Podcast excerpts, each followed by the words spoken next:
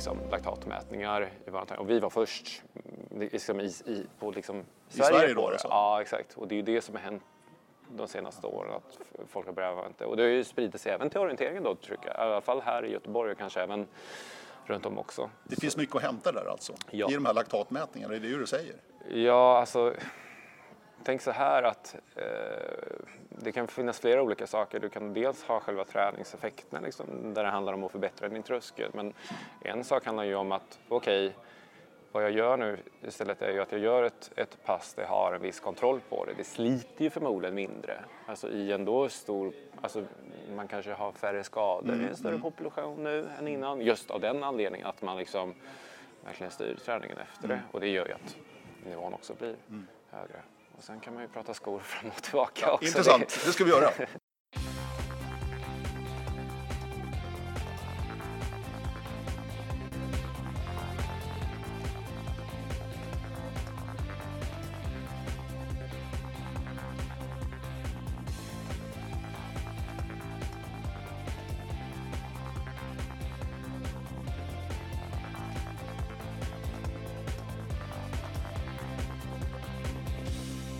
Per Skog, välkommen till Radio O-ringen Podcast. Tack så mycket. Eh, det är flest orienterare som lyssnar på det här, men det passar ganska bra för att du har lite connection med Vi kommer tillbaka till det Per. Presentera dig själv lite grann. Yes, jag eh, heter Per Skog. Jag är Göteborgsbaserad, västgöte från början. Eh, och jag är tränare här i Göteborg, löptränare kan man säga. Mm. Löptränare driver Bannister Running. Ja, men så är det. Jag driver, eller har min löpverksamhet eh, inom företagsform kan man ta och säga. Mm. Eh, det är så vi har drivit. Jag tränar eh, aktiva som tävlar för massa olika föreningar. och så därför har det blivit så att vi har, Bennes Running har blivit själva begreppet eller själva, själva kärnan i det Ja, bra namn tycker jag. Ja. Jag gillar det. och så har du sedan några år tillbaka också jobbat med Svenska Orienteringsförbundet och det ska bli superintressant att höra lite grann löpningen där svensk medel och långdistans också har verkligen tagit jättekliv de senaste åren, vilket är fantastiskt kul för oss som gillar löpning. Du själv, är du en gammal löpare Per? Du är inte lastgammal för att vara liksom tränare redan? Nej, jag är 37. Jag, jo, men jag är gammal löpare själv. Eh, jag började tävla någon gång när jag var fyra och ett halvt år gammal och eh, hade en, har en pappa som har tagit och tävlat. Han har faktiskt bättre personbästa än mig, det kommer han ha också. Eh, Eh, Eh, du har gett upp det alltså? Ja, det har jag gett upp. Det var, det var, det var länge sedan jag tog och presterade själv på en ja. hög nivå. Men i alla fall, det är lite på den banan. Jag hade en syster som åtta år äldre som, som friidrottade och, och på den vägen halkade man in det som det ofta är, sådär, eh, föräldrar, syskon. Eh, jag sprang väl fram tills jag var någonstans 19, 20, 21 år gammal kan man väl säga. Då har inte några supermeriter, har väl tagit eh, guld i terränglag i junioråldrarna sådär och har väl varit i några SM-finaler på juniornivå men ald aldrig liksom varit på senior seniornivå på det. Jag hade inte riktigt det heller och hade kanske inte riktigt talangen att bli riktigt, riktigt bra eh, heller. Eller, eller, eller, om det var något annat som fattades, mm. det vara osagt. Eh, men jag var tränare sedan jag var 21 år gammal i alla fall. Då. Så det har jag väl varit nu i, vad blir det, 16 år. Då. Ja, det är fantastiskt. Var det en slump att du blev tränare från början eller hade du dels liksom att ja, jag gillar det här, jag kanske har talang för att vara tränare istället? Ja, men jo, men om jag ser så här, blickar tillbaka lite på, på liksom, slutet av min karriär, mm. om jag får säga det med situationstecken runt om då, så, så hade jag nog, eh, visade jag nog sådana drag, tränardrag då Eh, sen att jag blev tränare redan då var väl lite... Eh, alltså jag hade nog tänkt att bli kanske tränare runt 30-årsåldern. Alltså jag hade ju tänkt de tankarna men att det blev så pass tidigt hade att göra med egentligen Janne Bengtsson, eh, Kalle Berglunds mm. nuvarande tränare. Eh, jag drev, eh, kan väl dra bara Bannister för de som möjligtvis inte vet det, är ju eh, Roger Bannister som eh, 1954 sprang den första drömmilen. Det gick en eh, SVT-serie i några olika avsnitt ehm, som, som, som fångade mitt intresse i 16-årsåldern, så då blir det ett nickname etc. Och Bannister blev sedermera också en nyhetssida kan man säga för, för svensk medellångdistanslöpning när jag var 19 år gammal tror jag. Jag började skriva lite artiklar och lite sådant. Och det, de delarna såg nog egentligen Janne Bengtsson. Det var nog lite det som, det här var en kille som som är ung och så, som brinner för löpningen. Det var nog det han såg. Så när han eh, beslutade sig för att börja trappa mm. ner som löptränare i, i Växjö på friidrottsgymnasiet så, så headhuntade han mig egentligen utan någon form av erfarenhet. Så samma, samma helg som Stormen Gudrun, för de som minns det, så flyttade jag ner till Växjö och, och gick ett halvår vid sidan om eh, Janne. Så jag har mycket av min, även om jag plockat olika delar både från min aktiva karriär givetvis, så har jag ändå ganska mycket av min tränargrund någonstans från, från Växjö och Janne Bengtsson och de, de åren kan man säga. Mm. Du, löpning är ju en superindividualistisk idrott. Mm. Går det att ha en filosofi som du säkert har Per och applicera liksom på alla dina löpare och alla dina löpargrupper som du handhar? Fungerar det så eller? Ja, jag tror det fungerar så i stort på många olika. Jag har reflekterat lite över det också själv att eh, alltså många hamnar nog, man, man hittar någon form av grej som nog blir lite ett signum för en och sen då är det kärnan och sen därifrån gör man individuella skillnader. Det är klart att jag har ju, jag har, jag har egentligen eh, jag, var, jag var två och ett halvt år nere i, i Växjö på, på friidrottsgymnasiet och sen flyttade jag inom citationstecken återigen hem till mm. Göteborg mm. Eh, som ändå var där jag kom ifrån eh, innan eh, och verkade och, och, och, var där jag sprang när jag hade min aktiva karriär. Ehm, och ehm, där var det då tränare i de här äldre åldrarna så jag började i, i lite yngre åldrar ehm, och träna och en av dem som var med från alla första början var Eh, Andreas Gramare mm. som är den som har tagit och, eh, nått mest framgångar av mina aktiva de här senaste åren. Och det är någonting som att, att vara med från början och bygga upp är någonting som anammat även de, de, de senaste åren och tror det är bra vilket gör att jag har aktiva som egentligen är någonstans från 13, 14, 15 års åldern upp till de här äldre som nu någonstans är 23, 24, 25 år uppåt eh, och, på väldigt hög nivå. Då. Eh, och det är klart att en, en 14-15-åring tränar ju väldigt olika mot de som kanske framförallt springer längre sträckor och är någonstans 25 till 30 år. Då. Men, men det är klart att en, en jag tror de flesta tränare har ju någon form av grundfilosofi som liksom löper som en röd tråd och det mm. tror jag kan vara ganska bra att få med sig eh, från de yngre åldrarna och bygga upp då i alla fall. Jag tror inte det någon, behöver vara någon nackdel. Mm. Och då är ju frågan alltså, kan man beskriva en, din filosofi lite grann utan massa overhead-papper här? Ja, det kan man göra absolut. Ja. Nej, men jag tror att eh, när jag har fått den här frågan förut så en av någonstans våran grund är nog att försöka hitta en balans i det hela och hålla de aktiva skadefria. Det är faktiskt det är mycket när vi funderar på vad vi ska göra. Liksom, hur många gånger har man inte hört liksom, när man på, på TV, liksom, okej, okay, men hur, hur, hur, har det kommit sig att du liksom, nått de här framgångarna? Äh, men jag har fått liksom, en, en, en längre period där jag kunnat träna på, liksom. jag har varit frisk och vara hel. Eh, lite tråkigt kanske, men, men, men jag, jag, tror att det är, jag tror att det är viktigt. Jag tror att de aktiva kan uppleva det liksom lite återhållsamt och lite tråkigt ibland också, men jag tror det är, mm. det, det, är A och O. Mm kan man bara liksom få den kontinuiteten så brukar det mesta eh, oftast lösa sig i alla fall. Mm.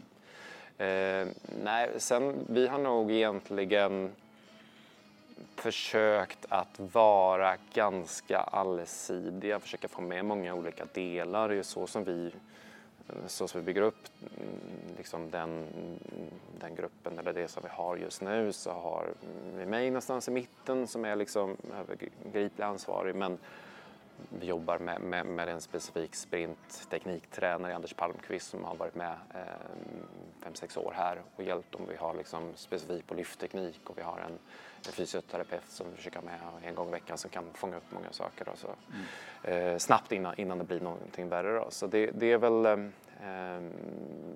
det är väl också någonting som är lite signum i det hela. Eh, inte så forcerat mm. ja, utan, utan ganska balanserat. Det är mm. någon form av, av grundtanke i det hela så att mm. säga. Här i Radio O-ringen Podcast, vi är ju uppe i 170 avsnitt snart. Jag har träffat ganska många och då tänker jag framförallt på eliten, mm. svenska orienteringseliten. många återkommer till, de, är, de vill ju träna väldigt, väldigt mycket. Mm. Så är det ju, det måste du göra för att liksom kunna hävda dig.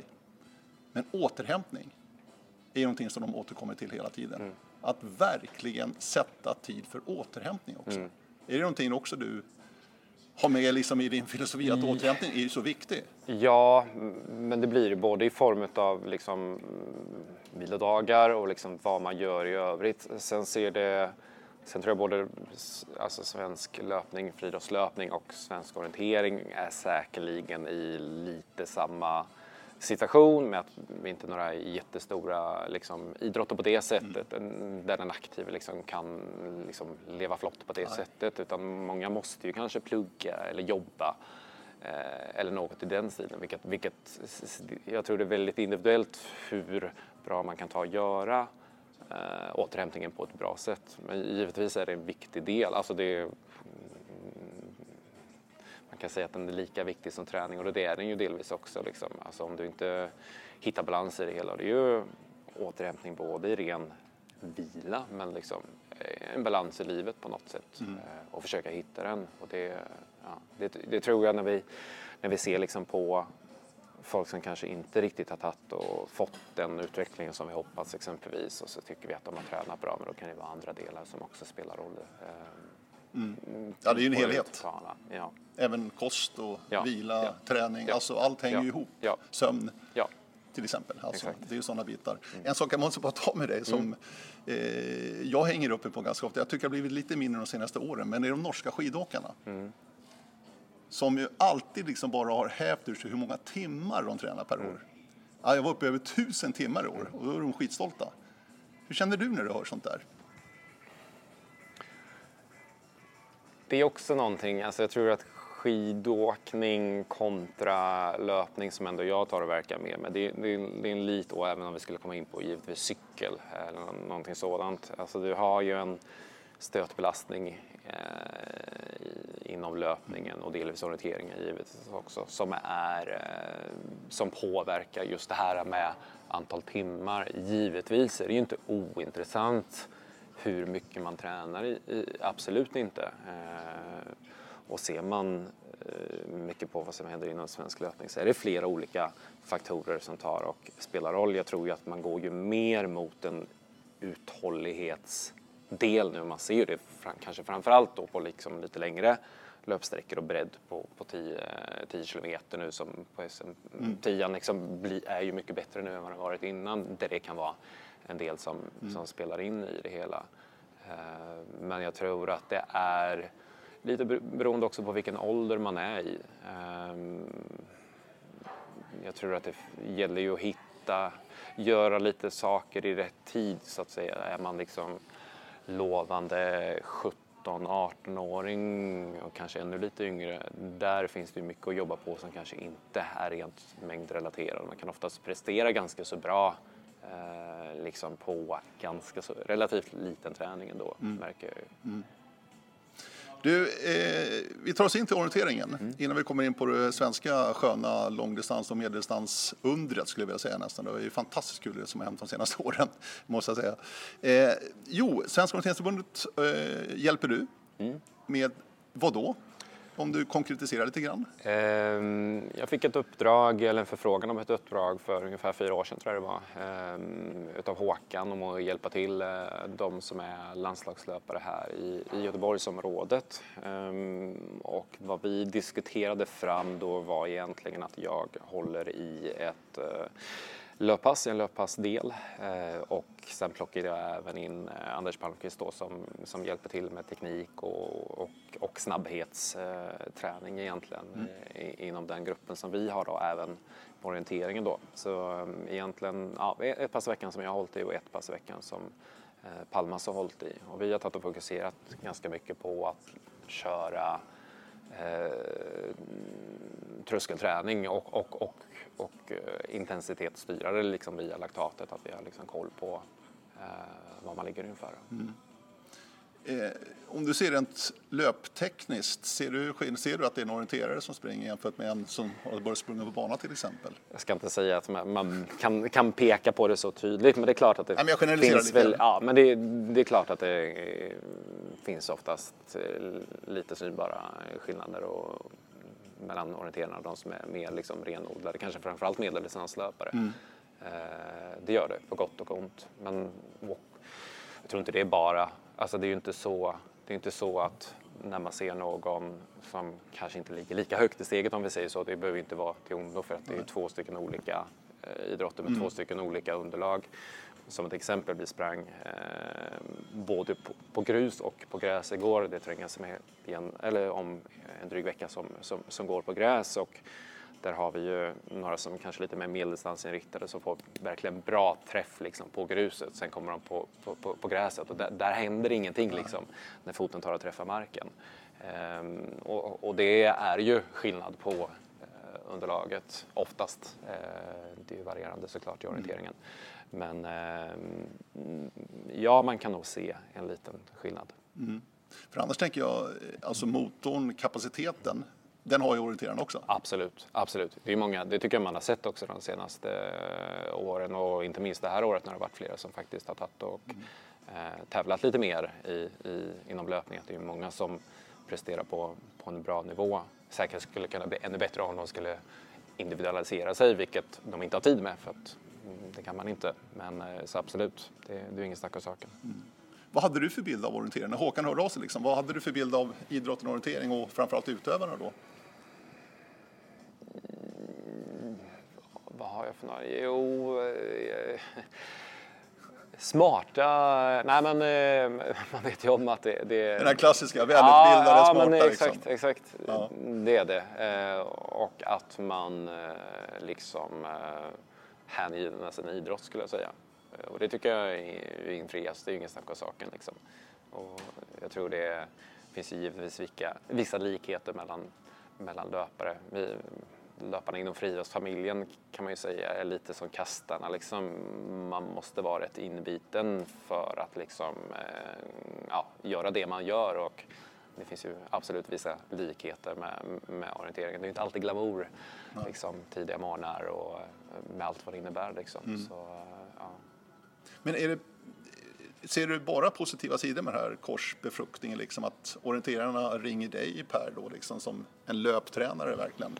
För att ta hjälp för att utveckla och, och förädla verkligen alltså orienterarna då rent löpmässigt. Men jag tror, jag tror att jag tror att vi kan ju, eh, vi, vi som är löptränare kommer lite mer från det hållet. Vi kan ju hjälpa till med lite specifika delar som kan användas eh, vid vissa specifika tillfällen. Exempelvis så en, en orienterare som har exempelvis möjligheten att tekniskt sett ändra lite på sitt löpsteg under lite lättare typ av löpning under orienteringen kan ju då ha en fördel att kunna nyttja det då. Eh, Kanske till och med påverkar vägval i, i vissa fall, liksom, lite beroende på om man är. Så ur den aspekten tror jag inte det är något negativt.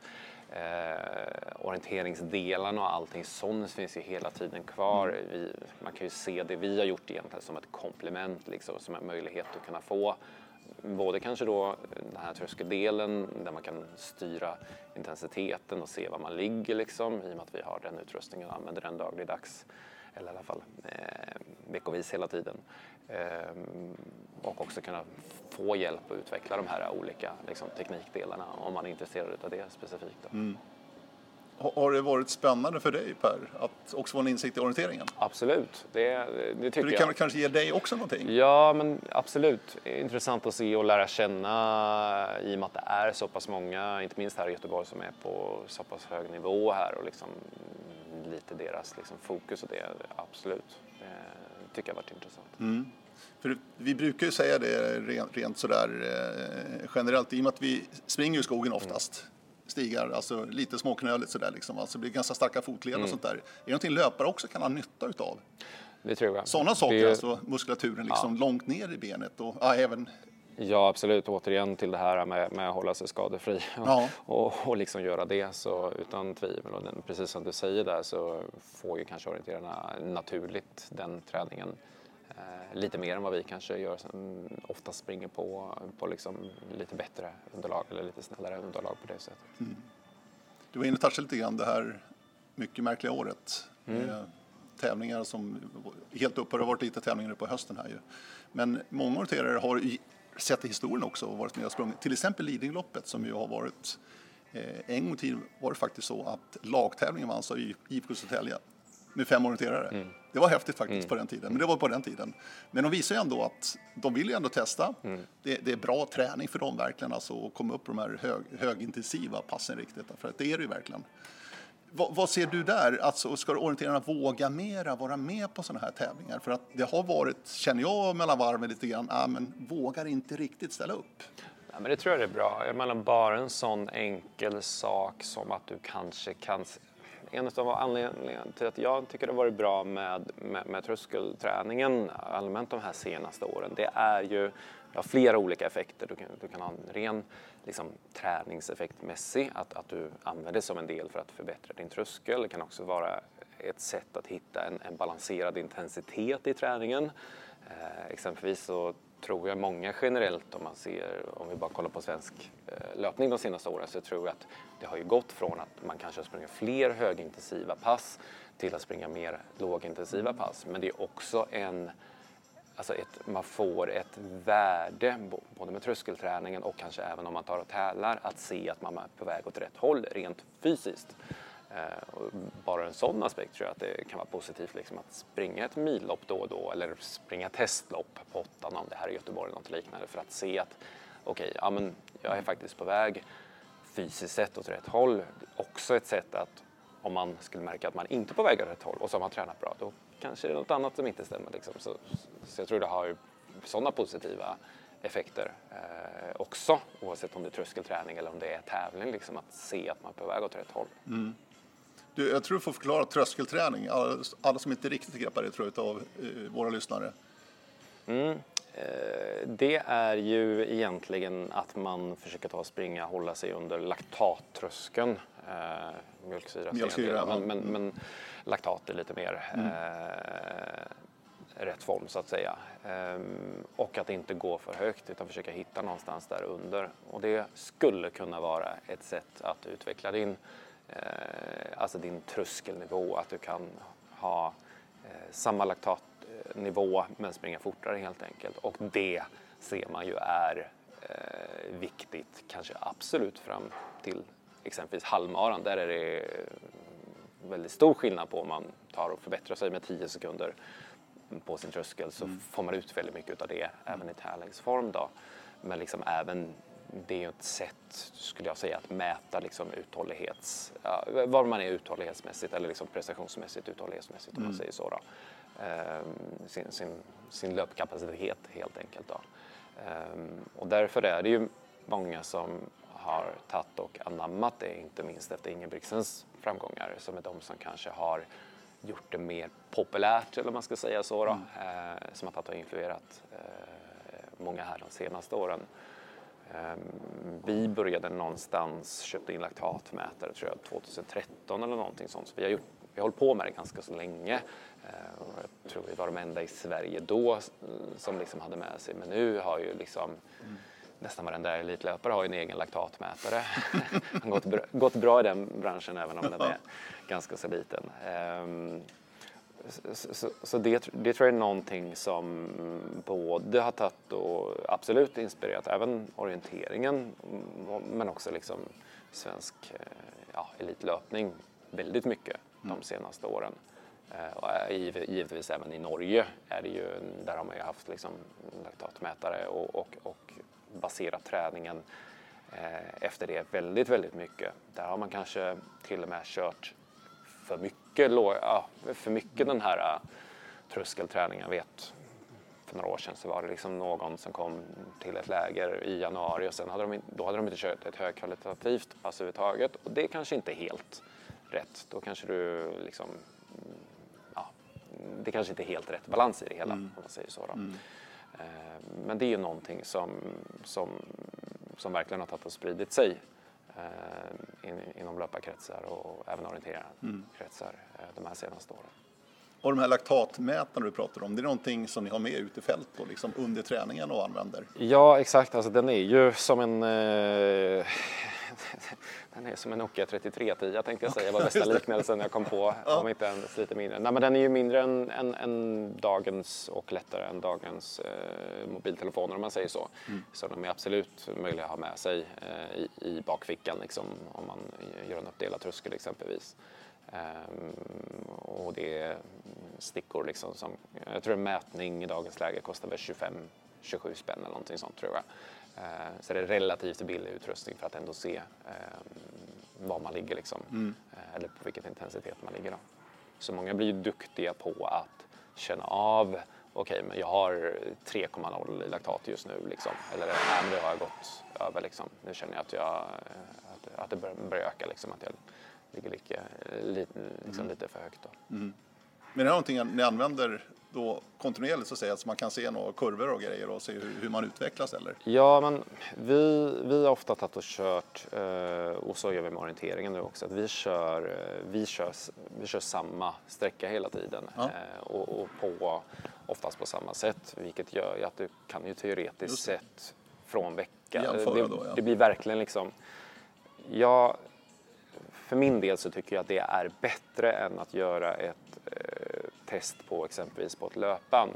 För att göra ett test på ett löpband så påverkas det jättemycket av hur du gör testet. Exempelvis gör du ett test med eh, fyra minuters intervaller, säger vi, med en minuts vila. För att du ska kunna avläsa det så, så bör du nästan göra även passet sen med eh, fyra minuter långa intervaller och en minuts vila. För framförallt där när du börjar komma ner mot tre, fyra minuter Eh, då blir det rätt stor skillnad mm. mot om du kör eh, två eller två och en halv kilometer eller kör en kontinuerlig tröskel liksom, ihållande i 30 minuter.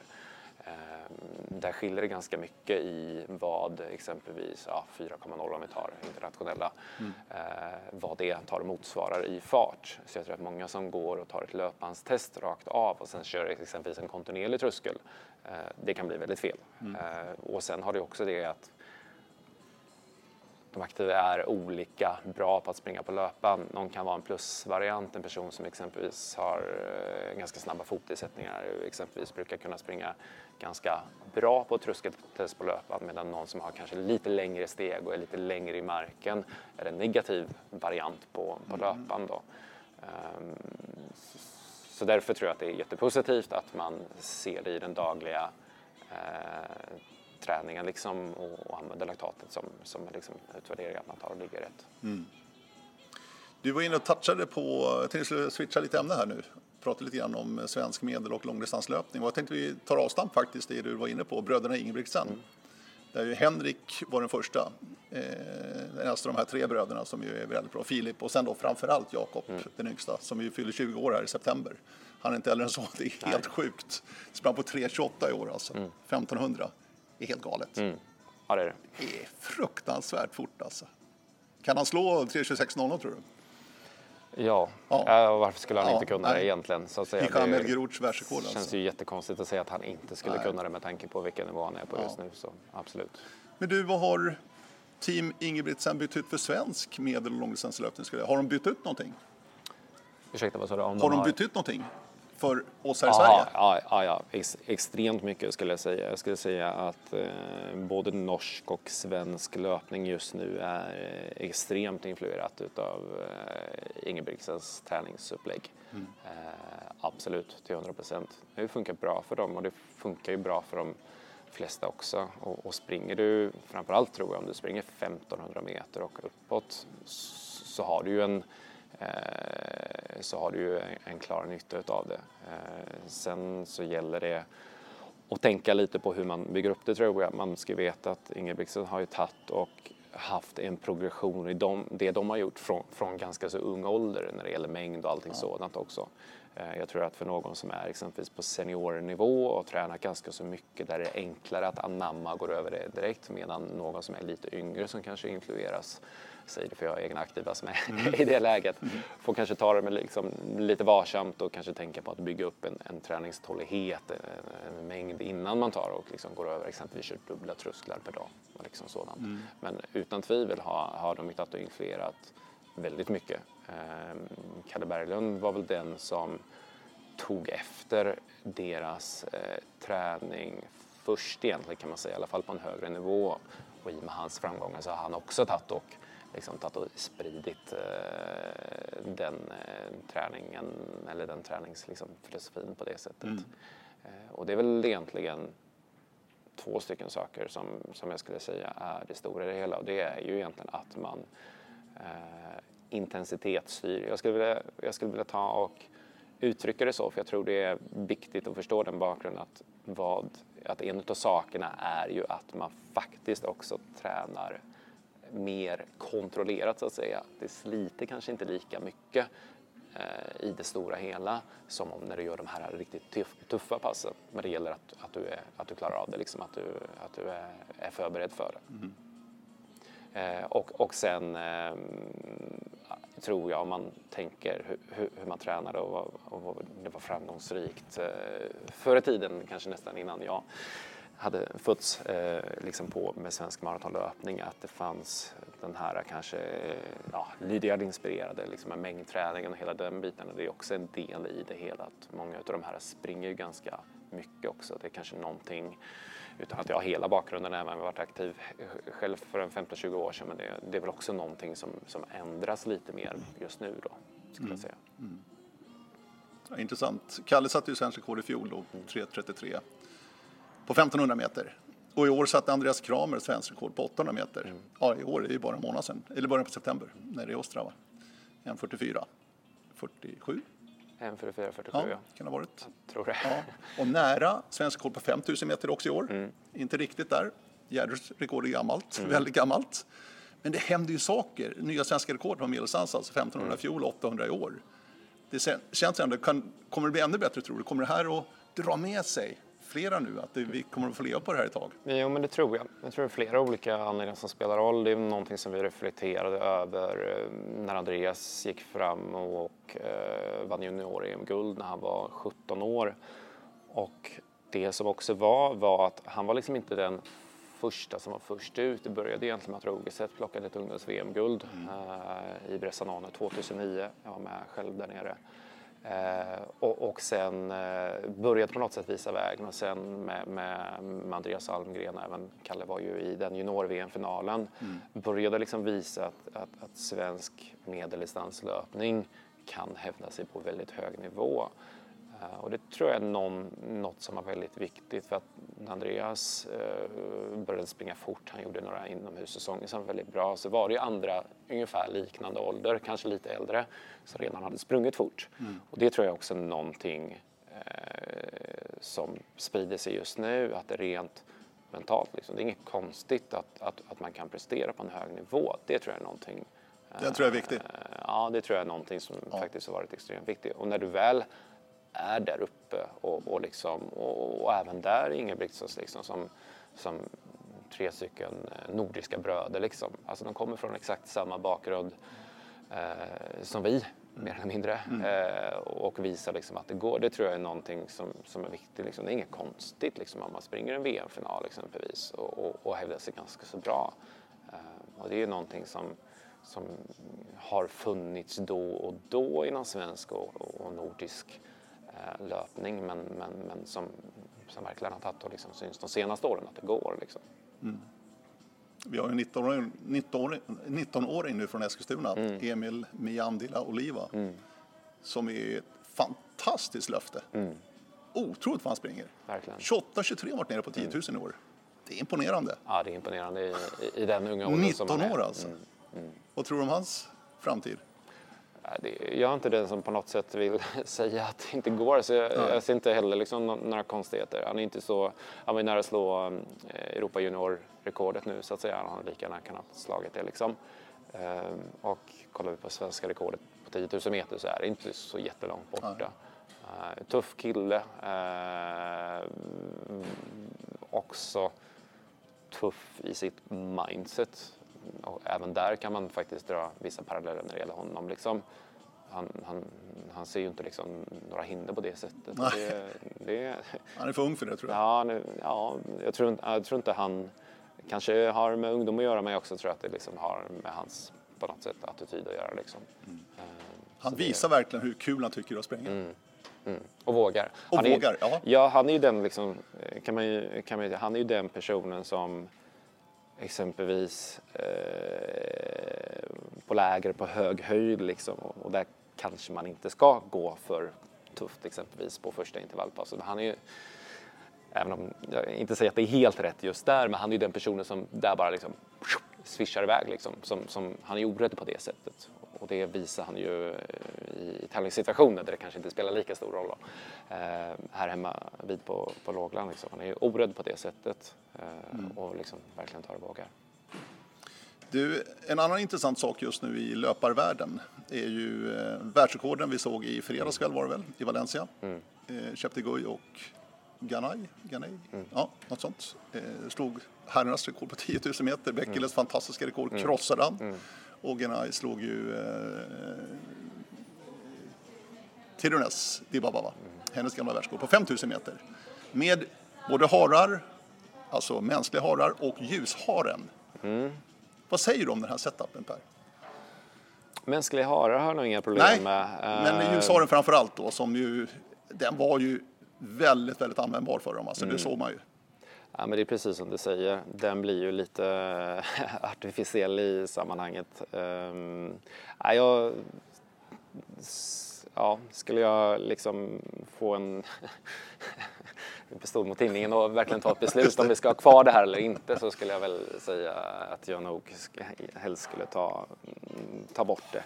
Liksom så sätt. Men det är, det är klart att det är mm, ny teknik mm. på något sätt eller inte kommer ju liksom. Det är ju det är svårt att stoppa också. Någon får ta ett beslut om det är, om det är rätt eller fel. Det är precis samma sak som med skorna som kommer här liksom. Det, mm. det går att utveckla. Ska vi använda det eller inte? Vart går gränsen? Det är, är väl svårt att säga. Men det är klart att eh, det är ju jag, jag har jobbat som tävlingsarrangör ganska så mycket och, och från det hållet haft hand om farthållare och det är klart att det är ju en konst att hålla farten rätt. Så det är klart att i, i, i en situation där du är ute efter ett rekord så är ju farthållarna viktigt och det är ju också en, eh, vad ska vi säga, det är också en liksom eh, ja men det är ju en del i det hela liksom. Att en farthållare kan ju inom situationstecken förstöra ett lopp liksom. Så det är klart att det sättet blir det lite tråkigt kanske. Eh, att det alltid är helt perfekt inställt. Det handlar givetvis om kapaciteten på, på löparen också. ja, de ska ju ändå springa. Ja, de ska ju ändå springa liksom. Så, så det, är det ju. Det, det är ju inte på något sätt att det förtar allt, men det är klart att ur en, um, ur en publik, tv-mässig synvinkel, samtidigt blir det väldigt tydligt. Väldigt tydligt. Mm. Så det, man kan vrida och vända på det där heller. Jag är oftast inte den som liksom är jätteemot någonting eller jätteför någonting, men lutar väl mer åt det hållet att nja. Mm. Men det är samma med, du var inne på skorna nu mm. som har kommit också mm. och satt World Athletics i en, ja, de har lite att fundera på faktiskt alltså. Det har ju varit väldigt stökigt kring ja. det här. Ja, visst är det så. Skorna har ju, eh, skorna har ju varit absolut en faktor till, eh, till det, som, det som sker. Sen, sen är det väl få som har verkligen tagit och, eh, det, det, det spelar också roll vem det är personen, alltså hur, hur, hur hur stor nytta man får av det hela. Men absolut är det någonting som har tagit och påverkat ehm, ja, den, den liksom tidsutvecklingen i snittmässigt sett som, som, som har skett. Det är ju ingen snack om saken att det påverkar. Men nu kommer väl även eh, spikskorna med lite svikt också va, i, i hälen? Är det inte ja, så? men visst är det så att, att um, utan att ha 100% insatt i det hela så spikskotillverkarna, eller de centrala tillverkare, ja. själva spikskorna tar ju givetvis delar från det också för att förbättra. Och det är klart att en, för en spiskotillverkare så ser man ju varje chans mm. att sätta det bästa de kan för sina aktiva, som ändå det som är ansiktet utåt liksom, eh, för deras skomärke. Eh, och göra det liksom så, så bra som möjligt så, så visst är det så. Mm. Det är ju ja, men flera både 800 skor och 1500 meter skor. Och ser, du, eh, ser du på eh, VM-finalen tror jag i Doha förra året så var det nog ganska många som använde ungefär samma typ av sko i den så att säga. Mm. Eh, så även om det kanske inte är riktigt lika utslagsgivande så är det klart att det spelar en faktor också. Men vi har ju sett även banlöpare, 1500 meters löpare springa med löparskorna som Ja. har kört i maraton till Ja, men exempel. exakt, exakt, Men det exakt. satte de väl stopp för, var det inte så? Ja, exakt. Nu, nu har det kommit liksom lite ett Ja. annat reglemente eh, vad som gäller på, eh, på banan. Mm. Så det var ju, var ju eh, jag tror det var här någonstans i slutet av juli, början av augusti som de nya reglerna kom i alla fall. Så det, man, man försöker hitta någonstans helt enkelt eh, ett reglement att, att följa, men det är inte helt lätt. Men, Nej. och det som oavsett om man tar och gör liksom förbud på vissa saker, det som känns ha blivit den stora grejen är ju att från att kanske inte ha hänt så jättemycket på, på skosidan så har det verkligen inte skett en revolution. Så även om man kommer ta och komma eh, fram till att nej men det här använder vi inte så kommer det säkerligen vara så att vissa delar utav det som är godkända kommer man ju använda. Så det kommer ju det kommer inte liksom ta stopp eh, även om man nu skulle liksom sätta ett förbud för det på något sätt. Utan eh, man kan ju fortfarande använda olika delar i det tror jag just för att förbättra skon. Så vi får väl se vad som händer här det kommande året.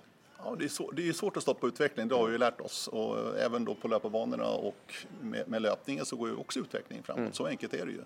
Den här ljusharen, eh, jag tycker precis som du var inne på Per, alltså jag tycker att för en tv-tittare är det oerhört effektivt att se. Det, det är som i simningen, det här strecket. Mm. Är oerhört effektivt. Det ser inte simmarna själva, Nej. men vi som tv-tittare ser det. Så jag tror ändå framtidsmässigt med OS och VM, de här stora eh, tävlingarna, kanske Diamond League också galorna, va? att kanske tv-tittarna ser var världsrekordet ligger Mm. Ja, någonstans. Typ. För att det är ett otroligt verktyg ändå Ja. för en tv-sändning. Man såg ju det, det var väl var det Bryssel eller vart det var, eh, där de faktiskt hade någon form av eh, Ja, löpare just det. Ja, ja, ja, det stämmer. Nej, Bislett var det. Ja, ja Bislett kanske det var. Impossible Games va? Ja, jag tror faktiskt att det, Ja, det var, var jag tror faktiskt att det var Bryssel Ja, nu här. Strunt samma, men, men man kan ju göra ganska mycket med teknik redan idag. Så vill man ta ett beslut att man inte använder det, men an, använder synligheten för Mm. tv-tittaren så är det ju fullt möjligt utan tvivel. Mm. Ehm, ja, vi får väl se vad de kommer fram till, Mm. Ja. till det hela. Det är också det är också, det är ju, jag tror att det är en miljon investeringar, jag har inte koll på exakta summan också, så det är ju inte alla som kan ha det. Eh, Så det är också en, eh, en ja, konkurrensfaktor eller någonting som blir lite orättvist liksom, Ja, på något ja. sätt. Eh, Jag är ju lite traditionell där vid lag. Alltså jag, jag gillar ju de världsrekorden. Typ, Mm. nu fick jag blackout namnmässigt, men OS-finalen 800 meter i London. Rudisha. Ja, Mm. Rudisha. Alltså det är det mäktigaste jag Mm. sett. Ever. Ja, ja, det är, Under 1,41 liksom. ja, det är I ett sollöp alltså. Han har bara bestämt sig. Mm. Här ska det inte liksom sparas på krut. Nej. Nej, det är helt sjukt vilket lopp han gjorde där. Nej, och det är ju... David Rudisha. Ja, det är ju också någonting, det, det vet man ju inte. Han, han, han sprang ju det loppet. Eh, man har ju sett det några gånger. Eh, och, och vad han gjorde framförallt var ju... Han sprang egentligen faktiskt inte full fart från början. Det gick fort från början, men det där han verkligen gjorde eh, avgörande i loppet var egentligen att han ryckte på mellan 400 och 600 meter så att säga. Det vet man ju heller inte hur en om det hade varit en ljus hare där, hade det påverkat? Äh, Nej. svårt att säga. Så det är också, någon, det är också någonting, för det är också, om vi tar 800 meter som exempel, det är också inte helt... Det är klart att är man, en, en, del, en del har förmågan att känna av, jo, men nästan på tiondelen hur fort det går. Oftast blir man farthållare eller är farthållare, för då, då kan man ha den egenskapen. Men det, det är också någonting med själva tjusningen, att kanske inte känna av exakt hur det går. Det är någonting som gör, alltså när vi lägger upp taktik eller något liknande, det är, det är, en, det är en faktor eh, i sig som, som om man har det eller om man kan utnyttja det som, som är intressant. Så det är klart att det, man vet inte hur det hade varit. hade kanske varit eh, exakt samma utfall. Men, men ja, det, det där kan man resonera länge om tror jag. Ja, verkligen. Eh, Huruvida det är positivt eller negativt och, och det, vem som tar och tjänar på det, vem som eventuellt förlorar på det. Du, på tal om 800 meter, eh, Andreas Kramer, Mm. våran eh, bästa 800 meterslöpare de senaste åren och svensk rekordhållare nu alltså. Väldigt, väldigt roligt. Han jagar ju där, framförallt går han 1.45 rätt länge. Mm. Eh, fick till ett väldigt bra lopp där i Ostrava då, när 1.44-47. Du har varit med honom länge.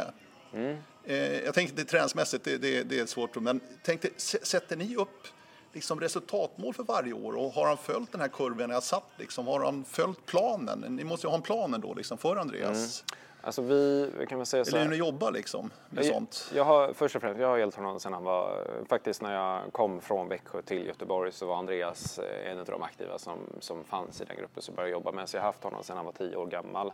Sävenås AIK ska vi säga också, han mm. har tillhört fram till nu faktiskt när han byter klubb. Ja, exakt. Han, han byter faktiskt klubb eh, nu här i höst till eh, IK Vikingen. Um, alltså vi har väl inte, alltså detta året och även nästa år då i och med att OS nu blev mm. framflyttat. Så det är ju det är givetvis att det är ju OS i Tokyo som är det stora målet. Sen om han kan springa på en 43 eller till och med springa en 42 höga eller om han springer en 44 igen. Svårt liksom ja. att, att säga exakt så. Vi har väl aldrig haft egentligen jag har väl aldrig sagt att ah, vi ska springa på den tiden. Utan han har oftast att det varit så att han har tagit um, nu de senaste åren li, lite mindre per år, vilket är fullt naturligt för det börjar mm. gå snabbare. Men, men egentligen från ung ålder så har han tagit någonstans 3-4 sekunder mm. per år. Uh, jag tror han gick liksom från 1.47 till 1.54 till 1.51 till 1.49 till 1.47 till 1.45. Det gjorde han liksom en år efter följd då. Eh, och nu har det tagit några år att komma ner på, på 1.44. Ehm, så det är kanske inte så att vi liksom eh, sätter eh, att vi ska springa på den tiden, men däremot är det ju något som är väldigt tydligt både från min sida på hans sida är ju att det är ju mästerskapen som på något sätt hela tiden är mm. fokus. Självklart springa fort också, men det är ändå liksom mästerskapet eh, där han ska vara som bäst förhoppningsvis. Eh, och det är någonting som vi, eh, det har, det har nog mycket med vår natur att vi gillar mästerskap, mm. båda två också. Mm. Um, och det har han ju fått bra erfarenhet genom åren. Han var ganska ung. Han gjorde faktiskt sitt seniormästerskap, seniormästerskapsdebut internationellt inom innan han hade sprungit ett junior-EM. Mm. Um, så, så, det är någonting som vi, som vi har stort fokus på kan man ta och säga. Mm. Um, och i det läget som han är nu. Vi kan väl se om det här året, precis som du sa, han jagade egentligen inte det svenska rekordet. Egentligen försöker vi inte jaga heller, men det är klart att det blir ju kanske medialt fokus på det när man ligger så nära och det är klart att han vill slå det. Men framförallt att komma ner på 1.44, att gå, ta det här steget från 1.45 ner till 1.44 har varit viktigt och kanske framförallt eh, dels mentalt för sin egen del att, att, att visa att man kan springa 1.44.47 istället för kanske 1.44.8, 1.44.9. Men det har också ganska så stor betydelse. Eh, framförallt kanske eftersom förra året eh, var lite av, ja, det blev mellanår, det funkade mm. liksom inte helt. Han sprang 1.45.10 utan att vara i form. Han var i dålig form när han sprang 45-10 men London är en väldigt bra arena att springa fort det är på. Det är ett tips. Det var det Rudisha gjorde, det funkade bra där också. Ja. Eh, men att få en bra tid att kunna ha med sig till nästa års tävlingar, där är viktigt. Och där är stor skillnad faktiskt på 1.44.8 och 1.44.4 som i det här fallet. Mm. Ehm, så, så, det är någonting som, som är viktigt. Och vi, han har varit ända från liksom maj när vi gjorde i den här coronaåret som blev så blev det ju egentligen att det fanns ju inga tävlingar. Det ehm, fanns inte möjlighet att, tävla utan hela säsongen blev ju förskjuten men vi gjorde ett banpass i, i, i, i maj, mitten av maj tror jag det var. Vi sa det, okej okay, men vi, vi kollar av liksom, för det stämmer av. Tanken var inte att fortsätta att köra ja, den här ja. banan, men, men för att stämma av liksom. Och, det var bra. så vi förstod redan där och då att okej, okay, men det kan nog gå ganska så fort. Sen är det ju kanske framförallt med 800 meter att det är ju så små marginaler. Går någonting fel tidigt, eh, det tar att hamna på fel position eller blir trångt eller något liknande. Det, det, är väldigt små saker som kan spela ganska stor roll på tiderna då.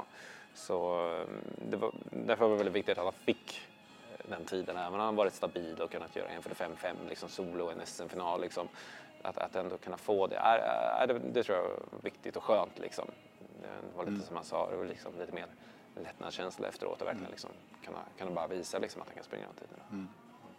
Du, du som vet det här, en fråga som jag eh, funderar på. Hur mycket strategi är det? Hur mycket taktik är det i ett 800 meters lopp skulle du säga? Hur pass klar är Andreas på hur han ska löpa det här loppet när han står på startlinjen? Alltså vi har, i och med att vi har jobbat med varandra så pass länge, eh, sprungit mästerskap, även om det bara varit på Götalandsnivå från 13 års ålder, så vi har varit väldigt, eh, väldigt taktiska. Har ni det alltså? Ja, ja det, det måste Går igenom loppet väldigt noggrant? Ja, och mm. olika scenarion mm. och vad han gör så. Sen är det givetvis upp till han och, och lösa det slu, i slutändan. Och Självklart. oftast bra på det också, men, men ja, vi har vi kan nog sitta i innet, jag minns när vi satt i Berlin innan EM-försöken där det blev ett enkelt lopp. Mm. Han täten och bara, mm. vi satt nog i 45-50 minuter och, och diskuterade liksom lite olika tänkbara, vilka som skulle kunna ta och göra det olika. Så, ja, det. så det, det, i vårt fall i alla fall så, så är det ganska detaljerat. Och det är ofta, det kan jag tycka är lite... Det är rätt kul ingredienser ja, där, men, ja, men det är det. Det, det passar mig. Som sagt, vi, vi har gjort det ända från att vara en del kan ju vara så här, äh, man går bara ut och kör, men vi, vi har nog varit väldigt liksom så tänkt taktiskt sett på det sättet. Mm. Mycket kommer säkert från mig, ja, det har influerat liksom, eh, de aktiva på det sättet, men, men äh, jag tycker det är kul. Och du och framförallt Andreas så lär sig också hur de andra mm. löper lite grann, hur de brukar agera, eller hur? Måste det vara så? så måste det nästan vara va? Absolut, man vet ju ganska tydligt vilka som kan tänkas vara offensiva i ett lopp och, och vilka som är, är, mer defensiva. Ett exempel var liksom i det här äh, svenska rekordloppet så eh, var han på samma bana som eh, en kenyan som sprang 1.43 förra året och jag kollade igenom flera av hans lopp. Han hade varit liksom lite längre bak i mm. startfältet. Så det var liksom hans plan A, för han startade utvändigt med den här löparen, var att försöka komma förbi honom från början. För att om han lägger sig lite mer i mitten och han ligger bakom, då riskerar han att, att komma lite längre bak. Det är också någonting, det är det första man tittar på när det gäller 800 meters löpning. Okej, okay, hur många är med i det här startfältet? Ja. Det har varit en tendens eh, från, arrangör, tendens, från arrangörernas sida att plocka in väldigt mycket löpare. Verkligen, och det är någonting som vi kanske egentligen inte tar och eh, gillar. Framförallt inte när man delar bana med någon och har position två som är, liksom, då måste mm. du komma förbi löparen om du ska komma ut. Då. Nu blev det tvärtom att han faktiskt var offensiv och gick efter haren då. Eh, men det gjorde ju att en sån grej som att han la lite kraft i början på att göra där, så fick han göra en liten Eh, kanske tempoförskjutning också för att ta position vid 100 meter eh, och, och även liksom gå förbi en löpare med 300 meter kvar så det var inte något rent lopp Nej. på något sätt. Eh, även om det såg ganska så bra ut sett men går man in på det detaljerat så är det liksom mm. lite man får lägga energi på, på vissa ställen där du kanske i ett renare lopp då bara liksom fullfartslopp hade kunnat plocka någon eller några tiondelar till. Mm. Så, så i vårt fall eh, mycket, mycket taktiskt tänk och mm. liksom gå igenom även de loppen där han har legat i täten och liksom, eh, kontrollerat eller liksom så. Det, eh, jag har en sån här typisk sak faktiskt som är en av de sakerna som jag är mest nöjd med vad han gjorde i EM i Berlin i semifinalen Eh, där han mötte en av spanjorerna som eh, var Europaetta eh, inför det loppet. Och Andreas var ju intresserad av att kunna styra från täten, kände sig trygg i det, visste att han var i bra form och liksom ligger man i täten när det är 200 meter kvar så har man närmast mål liksom, kortfattat.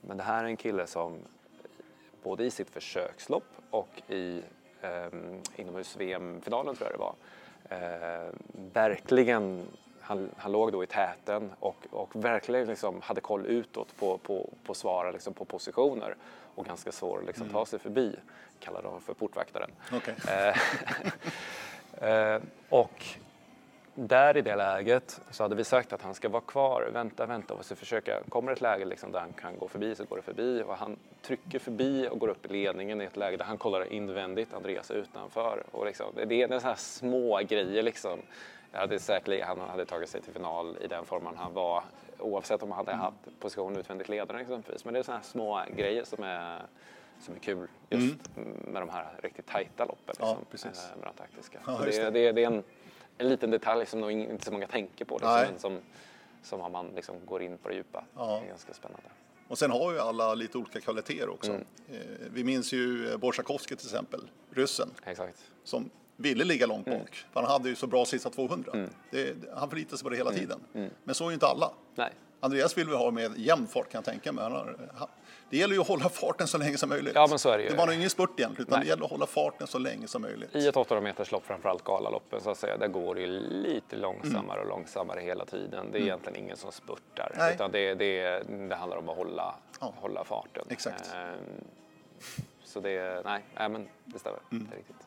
Jag blev nyfiken. 13 år sa du Andreas var när du kom in i hans liv som tränare? 10 år faktiskt. 10 år? Mm. Var det 800 meter som gällde redan då eller hur, hur fungerar sånt där att hitta mm. sin distans? Men det är väl lite, jag skulle säga att lite utav Andreas kan ta och vara på den höga internationella nivån är, som han är idag har att göra med att han var ganska så snabb när han var liten. Han var inte liksom snabbast liksom på 80 meter, men han var ganska bra liksom på 300 meter. Han har tagit liksom junior-SM-medaljer på 400 meter de gångerna han sprungit där. Och är ganska bra där just nu. Han springer inte särskilt ofta 400 meter, men, mm. men han gör 47 och kanske 47 låga i ett fullmaxlopp just nu gissningsvis. Ehm, men han har också varit bra och det vet du, han har vunnit Lidingöloppet mm. eh, x antal gånger Precis. i de här yngre åldrarna, liksom upp till 6 kilometer. 6 kilometer kanske inte är hans favoritsträcka att springa och är ganska duktig på det och det är det nu också. Han tränar ju mycket mm, tillsammans med Vida Johansson som sprang Finnkampen nu och, och presterar bra där och de är ju de är ju, alltså de är ju jämna på liksom längre intervaller och att, att ha den jag skulle säga att han är just nu, ur ett internationell synvinkel, så är han nog lite bättre uthållighetsmässigt än vad han är snabbhetsmässigt. Det finns sådana som är snabbare än honom. Mm. Ehm, och exempelvis nu under inomhussäsongen, där han, blev han nästan för bra uthållighetsmässigt, att snabbheten liksom inte eh, hängde med riktigt. Och det var någonting som vi justerade eh, nu i våras, att verkligen försöka höja upp snabbheten, att den, den ska hänga med för att han hade gått så pass bra uthållighetsmässigt. Oftast tappar du inte den delen så du kan bibehålla den med, med lite mindre stimuli. Um, så, så, så, han har varit liksom bra, men han var bra på 800 meter när han var yngre mm. också. Sen var han inte lika bra som han är nu. Han har ju liksom ur en, ja, skulle det kika igenom en Europa junior eller ungdomsstatistik eller något liknande så har han ju tagit och, och blivit bättre och bättre mot sina jämnåriga hela tiden. Eh, utan tvivel. Men jag tror att det som gör att han är bra är att han är ganska så bra uthållighetsmässigt, han är ganska så bra snabbhetsmässigt och det är ingen nackdel att ha båda de delarna. Sen hur, hur du balanserar och hur du får ihop det i slutändan, det, det är liksom finessen i den hela. Men han skulle gärna få bli lite snabbare eh, det, om man ska hävda sig liksom internationellt på riktigt, riktigt hög nivå. Eh, kan man hitta det tror du? Vad sa du? Kan man hitta det tror du? Ja, men det tror jag. Ja. Uh, absolut. Han är uh, väldigt destinerad verkar vara i alla fall. Mm. Mm. Nej, men det, det, det, det, handlar dels om en, det handlar dels tror jag om en, om en träningsgrej att utveckla, men det handlar också om en balanseringsgrej liksom, under själva säsongen och den är inte helt jäkla lätt ja. att, att få till så att säga uh, när man går ner i detalj på det hela. Mm. utan det, det, men absolut, det tror jag. Du knöt ihop säcken ganska bra där Per. Vi börjar med balans i träningen och en balans här också för Andreas Kramer. Mm, det är kanske lite talande för Verkligen. Ja. Du, eh, jag har en sista fråga bara. Mm. När sprang du en orienteringsbana senast? Frågan är om jag har, jo det har jag gjort i Kanske skolan. Kanske en samvetsfråga till och med? Ja, nästan så va. Nej då. Jag måste säga att det varit, eh, varit dåligt med träning överlag sen den här corona för jag började cykla istället mm. och inte åka kollektivt. Ah, det var en dålig bortförklaring. Nej, det är en, jag har inte gjort det sedan i skolan faktiskt. Tror jag, på riktigt. Du har ju fina förutsättningar här i stan. Ja, alltså. exakt. De får, de får vara lite ihärdiga och Det tycker jag verkligen. Alltså. ja. Du, stort tack Per Skog. Tack så mycket. Fantastiskt trevligt. Hoppas ni också tyckte. Eh, hör gärna av er. Radio oringen.se. Vi säger tack och hej ifrån Göteborg. Hej då!